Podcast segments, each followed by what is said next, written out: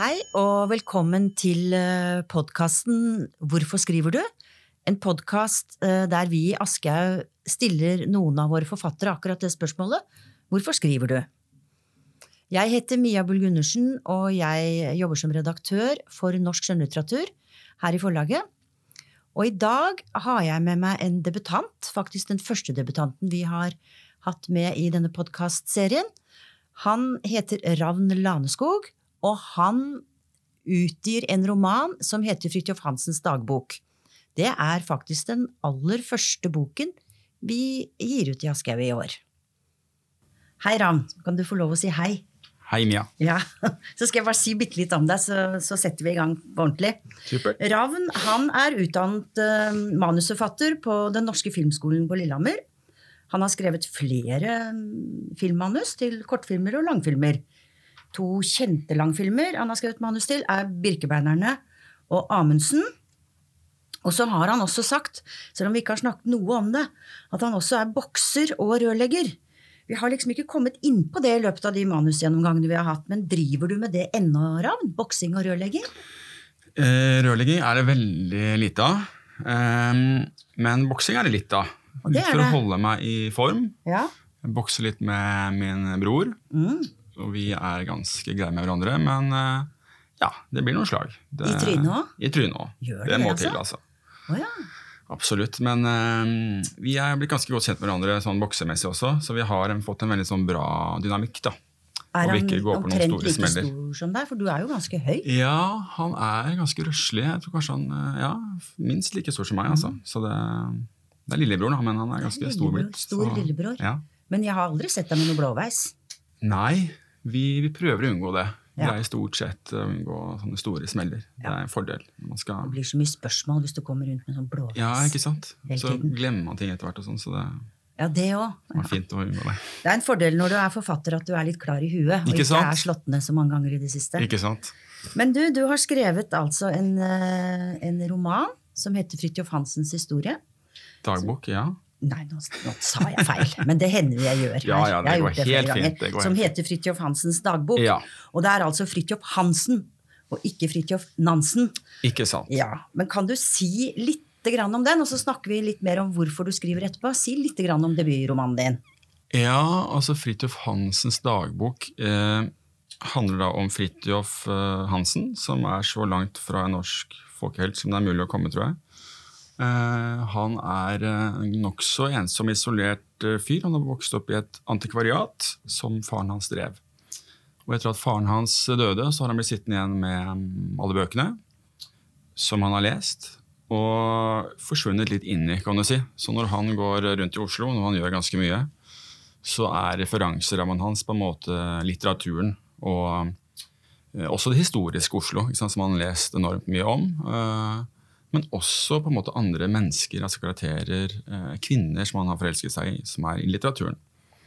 Så, eh, men eh, på det viset så blir man jo litt ensom og litt outsider. Så eksempel hvis han går igjennom si Sofienbergparken, og det sitter mange mennesker der en sommerdag og drikker øl og koser seg og spiller musikk, så tenker han bare på de 60 000 gravene sant, som ligger under bakken der. Og hva med de? ikke sant? Så da, da blir du annerledes og Ligger det isolert. 60 000 graver under Sofiebergparken? Eh, det ligger i hvert fall svært mange tusen graver. Jeg kan ikke garantere for det nummeret, men det, er, eh, det ligger eh, Det har vært en enorm kirkegård. Hvor gamle er de, ja? Nei, de er, eh, det er vel stort sett 1800-tallet hvor de ble, ble lagt ned. Så det meste er nok borte. Men de har funnet Det har kommet opp uh, litt hodeskall og sånt nå, i en barnehage der eh, Har det det? for noen år siden. Så det fins levninger der fortsatt. Men dette er døde karakterer. Dette er døde og glemte karakterer. Dette er absolutt eh, døde og glemte. Og Fridtjof Hansen, som har i overkant mye empati, han eh, tenker på de da også, på en måte. Hva med dem? Men når du nevner det med kirkegård, så må vi ikke kirkegård, som er eh, ikke Søren kirkegård, selv om han nevner vel han nå, faktisk. Mener jeg å huske. Ja, jeg tar en øl, hvis det Ja, er du, greit. det gjorde du jaggu. Ja, ja. Nå hørte vi den fine fiffen. Jeg er jo på jobb. Det er jo for så vidt du òg. Men jeg Ja, kan er ikke øl. Jeg trodde ikke, kanskje ikke jeg var på jobb. skjønner du. Nei, men, vær så eh, det er helt lov. Men du, tilbake til det med kirkegård. fordi at det du gjør i din roman, Mm. Fridtjof uh, Hansens dagbok, det er at Det er, opptrer nemlig en forfatter i forordet der som heter Rand Landskog. Det vil si ditt navn. ja. Og i det forordet så forteller Ravn Landskog at han går på Vår Frelsers gravlund, Mm. som er rett ved Gamleaker kirke. Mm. Som igjen er rett ved der hvor faktisk Fridtjof Hansen bor, ja. i Akersbakken. Mm. For dette er i Oslo. Og der eh, er eh, Ravn Laneskog for å besøke faren sin, sin grav, og så ser han en gebrekkelig, eldgammel olding komme, eller vakle seg over kirkegården, som da er Fridtjof Hansen, og de kommer i prat. Det stemmer. Og jeg planter da blomster på graven til faren min, og jeg setter meg ned og leser en bok, og da, da får jeg øye på han mellom eh, gravsteinene. eh, Og han, eh, han kikker på meg, og han noterer litt, og han kommer stadig nærmere. Og etter hvert så kommer han helt bort, og jeg ser jo at han er ekstremt skral. Han er døden nær, ser det ut til, og han er utrolig begeistra for det jeg leser. Han ser at jeg leser Fedre og sønner av Turgenev. og setter seg ned på benken, og vi får en veldig interessant uh, samtale hvor, uh, som ender med at han på en måte gir meg sin dagbok, da, som på en måte er det eneste beviset for hans, på hans uh, eksistens. Um, Som og- han har i et sånt gammelt rustent metallskrin rundt Ja, magen. ikke sant, som han har festa til kroppen Ja. av sikkerhetsmessige hensyn, som han skriver. Så, um, så den gir han til meg, og boka på en måte er jo da denne dagboken, som på en måte han da har skrevet. Og jeg er så heldig å på en måte få motta uh, i forordet. Og så er det også et etterord, da, uh, hvor det skjer ting. Men, uh, men ja, så det, det er liksom rammen for, for boka, kan du si. Men du, dette er jo en lek med fiksjonen. Ja, det, det kan godt hende. Det er nok det. Jeg hører at du ikke vil snakke mer om det, men jeg kan i hvert fall si at du foreslo jo, da vi var midt inne i denne prosessen med denne boken, at du ville skrive under pseudonym. Ja, jeg var inne på tanken. Jeg følte liksom at uh, det var Fridtjof Hansens dagbok. Det var han som hadde skrevet det. det jeg syns på en måte det var litt uh, realt å gi han kred for det. Men uh, så så jeg jo dine argumenter, og det ble kanskje litt i overkant komplisert. Og så tenkte jeg ok, det er jo også litt artig å stå med sitt eget navn når man debuterer som forfatter. Ja. Så da ble det sånn. For du har jo sånn. faktisk hatt ti fingre med i spillet her. Ja, jeg har jo hatt en god del fingre med der, så ja. Det, det syns jeg ble veldig fint. Eh, Ryddig, det, altså. Ja, jeg tror det er best at du står som forfatter, men vi behøver jo ikke å, å si noe mer om det, for det er en veldig morsom inngang du har til eh, boka. Eller til fortellingen om Fridtjof Hansen, som jo er en eh, ganske sånn litterær type. En ting er at han har vokst opp i et antikvariat, og på å si nesten under bordet til antikvariatet til faren sin. Ja, Og han er nesten litt sånn eh, Don Quijote-skikkelse. ikke sant? Det der å vandre rundt og Absolutt. sånn pikaresk med den. ikke sant? Og så Mm, mm. det der å blande fantasi og virkelighet. mm. Det var vindmøller, det er nesten litt sånn vindmølleaktig. Ikke sant? Og det er jo utrolig mange eh, referanser til litteraturhistorien, både med sitater og karakterer og referanser, ikke sant. Med, så, så han er jo dypt, dypt inni dette her, og, og er absolutt en Don Quijote-aktig karakter. Så det er jo en av mange på en måte forbilder, da, på et vis, for denne, denne boka. Men det er noe som skjer fordi at uh, han forteller i da, dagboken sin Mm. at en dag så, så han, fikk han en avis på døra Ja, i Akersbakken der han bor, selv om han ikke abonnerer på noen avis, for han har jo ikke noe penger. ikke sant? Men det, han fikk det likevel. Og inni der er det en annonse, en Ja. stillingsannonse. Ja.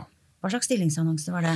Du, Det er en stillingsannonse hvor de søker etter en stilling som eh, kontorist. Det er jo litt sånn eh, diffus stilling, kan du si, så det er litt uklart hva det er for noe. Men uh, Fridtjof Hansen tenker at han vil gripe denne unike muligheten. og og bestemmer seg da for å dukke opp i, eh, på den adressen, som er da Isenkramgaten i um, Kvadraturen i Oslo. Uh, som ikke er så lett å finne på kartet. Uh, men uh, den er nå der. Han kommer dit, og der møter han opp med veldig mange andre. Og så blir det da en prosess hvor det blir færre og færre. Og jo færre det blir, jo mer på en måte får vi vite om de andre kandidatene til denne stillingen som ingen vet hva er. da. Men det er, det er jo en litt spesiell oppgave disse søkerne skal gjennom. Og, og det foregår jo over flere dager. Han, han er der, og så gjennomfører han liksom stillingen, søknaden. Mm. Og så går han hjem igjen, og så kommer han tilbake, og da har de blitt færre. ikke sant? Mm. Og, men, han, eh, men, men det er det der at de må kunne skrive en historie. De må kunne skrive en historie, det, det er helt sant. Så det, ja, det står jo også i den annonsen. Um, og det håper Fridtjof Hansen at han kan. Han har jo på en måte vokst opp med historier og lest tusenvis av dem. Hvorvidt han egentlig kan uh, skrive, det er han svært usikker på, og han uh, forsøker jo ekstremt hardt. Men det blir egentlig til at han på en måte refererer til, til andres historier og til andre karakterer og på en måte henter opp litteraturhistorien på den måten. da. Eh, og på en måte kommer seg videre da i konkurransen eh, med disse referansene. Eh, og er åpen om det underveis, men liksom, det er det han får til. Og det viser at det, det funker. Så denne oppdragsgiveren må ha sansen for, for litteraturhistorie, tenker han. Altså, det tar jo litt tid før han klarer å finne ut hva han skal skrive. Så det er noen sånne spenningspunkter i denne romanen for å, sånn leseren lurer på i all verden og liksom, nå har du to minutter igjen. Ja. Nå må du få satt deg og få skrevet noe. Men, men han kommer jo liksom gjennom det. Men det er jo noen andre personer der også som, som søker eh, stillingen sammen med ham.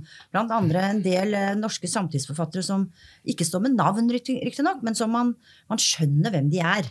Ja, det er en slags liten gjettelek der, på en måte, hvor du skal uh, Du skal nok skjønne hvem de aller fleste av dem er. Og det er jo en lek med forfattermyten, egentlig. Som på en måte de, disse ulike forfatterne har i stor grad skapt selv, men også som media har bidratt til. på en måte. Og det er en nokså etter hvert ellevill lek, om jeg kan bruke det uttrykket, uh, som går ja, kanskje litt på kanten. og men, men det, det, skal være morsomt. Det skal være en kjærlighet i bunnen der, og det, det håper jeg kommer frem. da. Det er iallfall ikke mye ondsinnet. Jeg tror ikke det er det. Fridtjof Hansen er på en måte ikke så ond, men han er jo veldig frittalende. Ja, det er og tenker jeg på en måte også kanskje litt politisk ukorrekt, og Han kan komme med, han buser liksom ut med at han tenker i sin egen dagbok. Det kan man jo gjøre. ikke sant? Og han er litt på randen av livet òg, så han har liksom ikke så mye å tape. Så han, eh, han sier det han tenker. Han skriver det han tenker.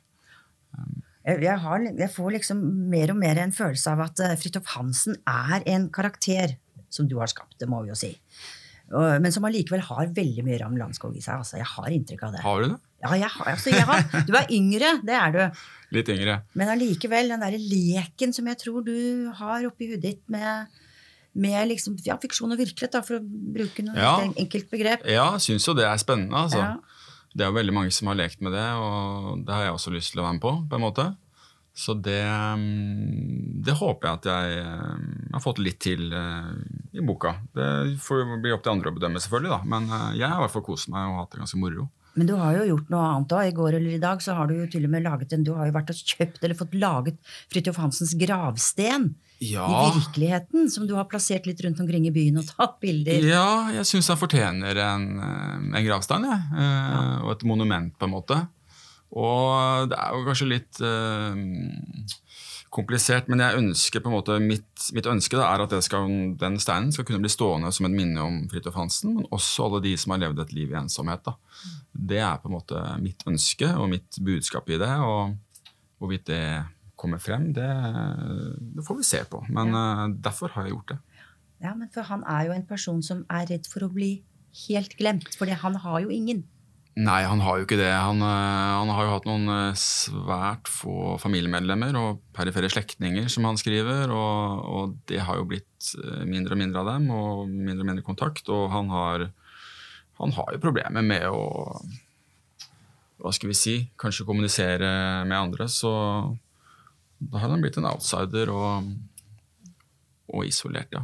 Mm. Du, nå skal jeg komme til, nå har vi snakket noen minutter nå om mm. uh, romanen din, så nå skal jeg komme til det som er podkastens tittel, nemlig 'Hvorfor du skriver'. Og du skriver jo da filmmanus, det har du gjort i mange år. Ja. Men nå har du skrevet roman. Men la oss begynne med det. Hvorfor skriver du? Ja, siden programmet heter det, så burde jeg forberedt meg noe kraftig på å svare veldig godt på det. Men uh, det er jo veldig filosofisk uh, spørsmål, og jeg tenker at det fins sikkert veldig mange svar på det, også for meg. på en måte. Flere svar kan være riktige. Men um, jeg tenker jo delvis at det er jo uh, fordi jeg syns det er fryktelig spennende å altså, det, Når man skriver skjønnlitteratur, så skaper man jo en verden man kan kontrollere, på en måte. Mm. Og på en måte hva som helst kan skje. Mm mitt eget liv er jo ikke alltid så fryktelig spennende, mens her kan jeg på en måte få boltre meg og, og, skrive om eh, mennesker og skape et univers, og det syns jeg er eh, kjempegøy. Um, så det er jo en viktig grunn, tenker jeg, til uh, Det er jo et ganske skriver jeg. originalt univers du har skapt òg, da. Harald. Det- Jeg håper det. Jeg tenker at uh, man kan assosiere ganske lett til flere andre på en måte romanunivers. Og det er så mye referanse sånn, men jeg håper jo også at dette er uh, At det oppleves som originalt, og at det har kanskje fått til noe litt annerledes. Det, det vet jeg ikke, men det skal i hvert fall ikke jeg svare på. Nei. Eh, Jeg kan svare på det. Ja, Det har du. Du har fått Takk. til noe som er annerledes. tusen takk. Men, men det der å skrive for film, å skrive en roman, Ja. sikkert ganske ulikt. ja eh, det er veldig ulikt, egentlig. Og jeg har et sitat her, faktisk. Ja. Det er så langt forberedte jeg meg. Fant et sitat her. Skal vi se Det er av en som heter eh, Anders August, altså sønnen av Bille August, han eh, danske eh, forfatteren eh, og regissøren. Han sier det Hvis man som manuskriptforfatter insisterer på at få sin stemme hørt, kan man hurtig bli ulykkelig. Og det er eh, et eller annet med det som eh, manusforfatter. Det er masse som er spennende med det, men på en måte det, det er ikke rom for din egen stemme.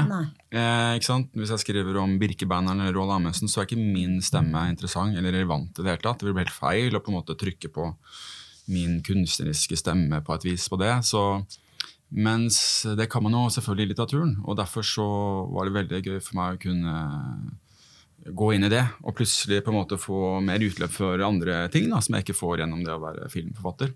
Så det har vært utrolig gøy, syns jeg, litt befriende også. Men samtidig, jeg skal ikke krangle på det, men det hadde jo den filmen om Amundsen, for eksempel, da, Mm. Ville jo vært annerledes hvis det var en annen manusforfatter enn en du. Det, tenker, ja, det er helt klart. Absolutt. Så, så klart, Man får jo brukt mye av seg selv. Men, eh, men hvis man skal tenke på det i den grad man har en litt sånn kunstnerisk stemme, på en måte, en egen signatur, eh, en egen tone i språket, sånne type ting, så, eh, så selv om, selv om jeg vil farge selvfølgelig helt åpenbart, både Birkebeiner og Amundsen og andre ting, så, så er det ikke det det er en ny dimensjon på en måte, for meg da, i litteraturen som, som handler mer om eh, kanskje en stemme og også det at jeg får utløp for andre ting, som å skape en indre monolog f.eks. Du får ikke så ofte anledning til det i, i film. Nei. Du har kanskje en voiceover av og til, men ellers er det lite. Så ja, det har vært veldig gøy, syns jeg. Men du, er, du er friere òg på den måten at det kommer ikke mange altså, uh, Riktignok så kommer det en redaktør inn her og, Ja, og kan, og kan Ja. eh, rulle litt rundt på teksten Ja. din og få deg Mm. til å gjøre om litt og sånn. Men det blir jo ikke på samme måte som når du har skrevet et filmmanus hvor et helt sånn team Dette kan ikke jeg nå, men jeg kan tenke meg det er sånn at da kan du ikke være veldig sentimental når det gjelder din egen tekst. Det er helt sant. Det kommer jo ekstremt mange inn og leser. Det er jo regissør, og det er produsenter, skuespillere, Filminstituttet, distributører. Det er så enormt mange, og det gir også at det må være et nøytralt en måte, språk. Og, og det gjør at du får ekstremt mange tilbakemeldinger som du må forsøke å Du kan ikke lytte til absolutt alle, men du må også lytte til mye av det. Og masse av det er jo selvfølgelig bra og fornuftig, og sånn, og da gjelder det å holde tunga litt rett i munnen. og så det har jo også vært litt eh, artig, syns jeg. Og på en måte kan du si, For det er jo noe av det som kan være litt eh, stressende og krevende også. Så det å kunne forholde seg til eh, mange færre mennesker, og i stor grad eh, deg som redaktør, det har vært veldig fint. Så at vi på en måte kan gjøre det vi syns er eh, morsomt og fint, og ikke eh, det som på en måte 50-60 andre syns. da. Ja. Men har du, har du skrevet liksom hele, hele ditt liv? Jeg, jeg regner med at du er, helt, du er belest, det vet jeg jo. Eh, det ser man jo gjennom romanen din også. Eh, men har du, har du lest hele ditt liv og skrevet siden du var liten, eller sånn som en del forfattere har gjort? Jeg har ikke skrevet så veldig mye fra ung alder, egentlig. Jeg har lest, alltid lest, alltid lest veldig mye. Uh, tegneserie først, Ja. ikke sant? og på en måte eh, barnelitteratur. Og, Men liksom Hardy-guttene og sånt nå, leste jeg husker jeg 60 Hardy-bøker. liksom. Gjorde du? Ja, ja. Ah. Akkurat i den liksom, riktige alderen der. og... Ikke Frøken Detektiv. Nei. For det har de guttene. Nei. Ja. Mest Hardy-guttene. Altså, en er er bokser leser ikke Frøken Detektiv. Nei. Eh, nei, men det kunne jeg gjort. Kunne jeg kanskje ha prøvd. Men, eh, men uh, Hardy-guttene, det er jo ikke akkurat kanskje noe Man vil ikke si at det er en kjempegod litteratur, men jeg fikk mye igjen for det. Og det er veldig ujevne. Det skrives av mange forskjellige personer. Noen er bra, noen er dårlige. Men Jeg syns det var kjempegøy når jeg var kanskje ti år. eller noe sånt, sant? Og så har jeg lest masse siden den gang. Ja. Eh, mm. Men det der å sette seg ned og skrive sin egen tekst, dikte sin egen tekst, da, sånn som du gjør i veldig stor grad i, altså som du gjør i Ram, i Ram Mm. Landskogs debutroman, så gjør du jo det. Mm. Det er eh, Når kom det, og hvordan kom det, og hvordan har du gjort det? Klarer du å svare på det? Uh, ja, hvordan har jeg gjort det, ja? Nei eh, Det begynte med at jeg og en kamerat som heter Helge, som bor i Lisboa, vi ble enige, vi lagde en liten pakt i 2017 om at vi skulle sende hverandre en tekst på mail jevnlig i løpet av året. Eh, I utgangspunktet hva som helst. Eh, han sendte korttekster, eh, små noveller og sånn.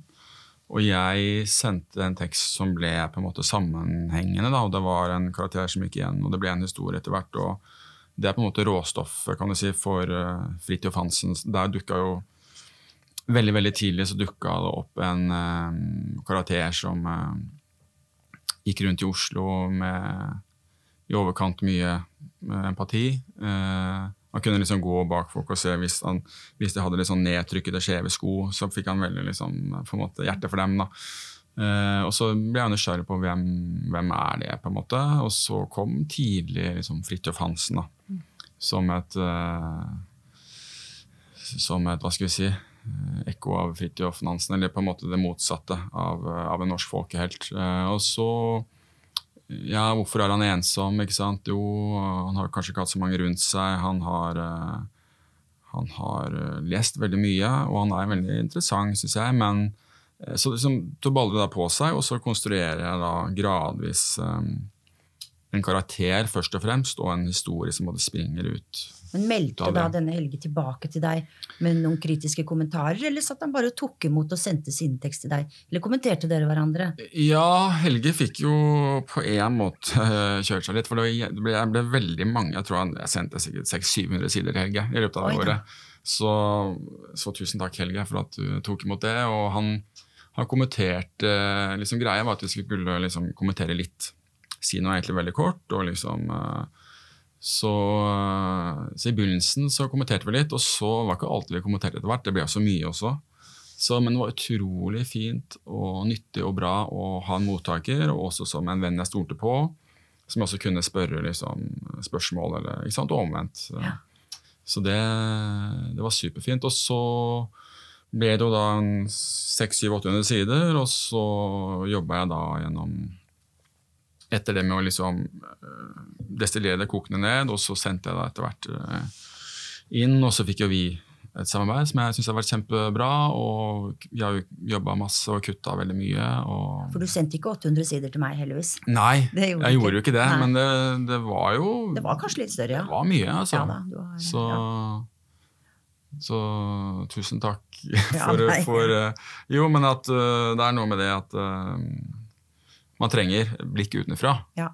Man trenger kanskje ikke kjempemange personer, ikke sant? men det er utrolig fint å ha noen man stoler på som, som kan, ja, Som kan si noe om det. som kan si noe Ja. om det. Men du, Fridtjof Hansen, han, eh, jeg, jeg syns du skal si litt grann mer, for alle eh, tenker jo på Fridtjof Nansen. Og du nevnte det jo i sted, at han er jo ikke akkurat noen nasjonalhelt, denne Fridtjof Hansen. Han er vel nesten svaret tvert imot. Ja. Og det har han jo følt hele livet. Han er ingen Fridtjof Nansen. Nei, han er ikke det. Eh, og det er noe med at han, han ønsker jo å få Han ønsker å bli sett som alle, de fleste alle, altså alle mennesker vil jo bli sett. Mm. Og han har jo blitt sett i mindre grad enn kanskje de fleste andre. Og så har han et ønske om, eh, om det, og så formidle noe, tror jeg også. Og skrive, ikke sant. Og bli oppdaget kanskje som forfatter. og så det er noen dimensjoner der, så han går rundt med et veldig rikt indre liv da, som Mm. han håper at noen på en måte skal kunne bry seg om. Ja. Um, Han går rundt med et eh, rikt indre liv. Du går rundt med romanen om ham og gravstenen hans. ja, Så hvis man ser en mann som vandrer rundt på Egertorget med en gravsten, så er det altså Ravn Landskog, da. antagelig. Ja, det er det. Men eh, fordi at eh, på baksiden av Fridtjof Hansens dagbok så står det at Fridtjof Hansen kjemper for retten til å bli anerkjent som menneske og forfatter. Står det. Ja. Er det det du også gjør nå? Aram? Du kjemper for retten til å bli anerkjent som menneske og forfatter? Ja, men ikke nødvendigvis i den rekkefølgen som eh, det står i sted. Og det tror jeg jeg gjør nok det. Det må jeg vel innrømme. Um, får vi se om jeg lykkes med det, da. Ja. Det blir spennende å se. Mm. Boka er iallfall akkurat kommet ut, og jeg bare sier gratulerer. Ja, det har vært et veldig hyggelig samarbeid, og boka har blitt kjempefin. Tusen takk. Jeg gleder meg til å se åssen det går der ute. Tusen takk. Takk skal du ha.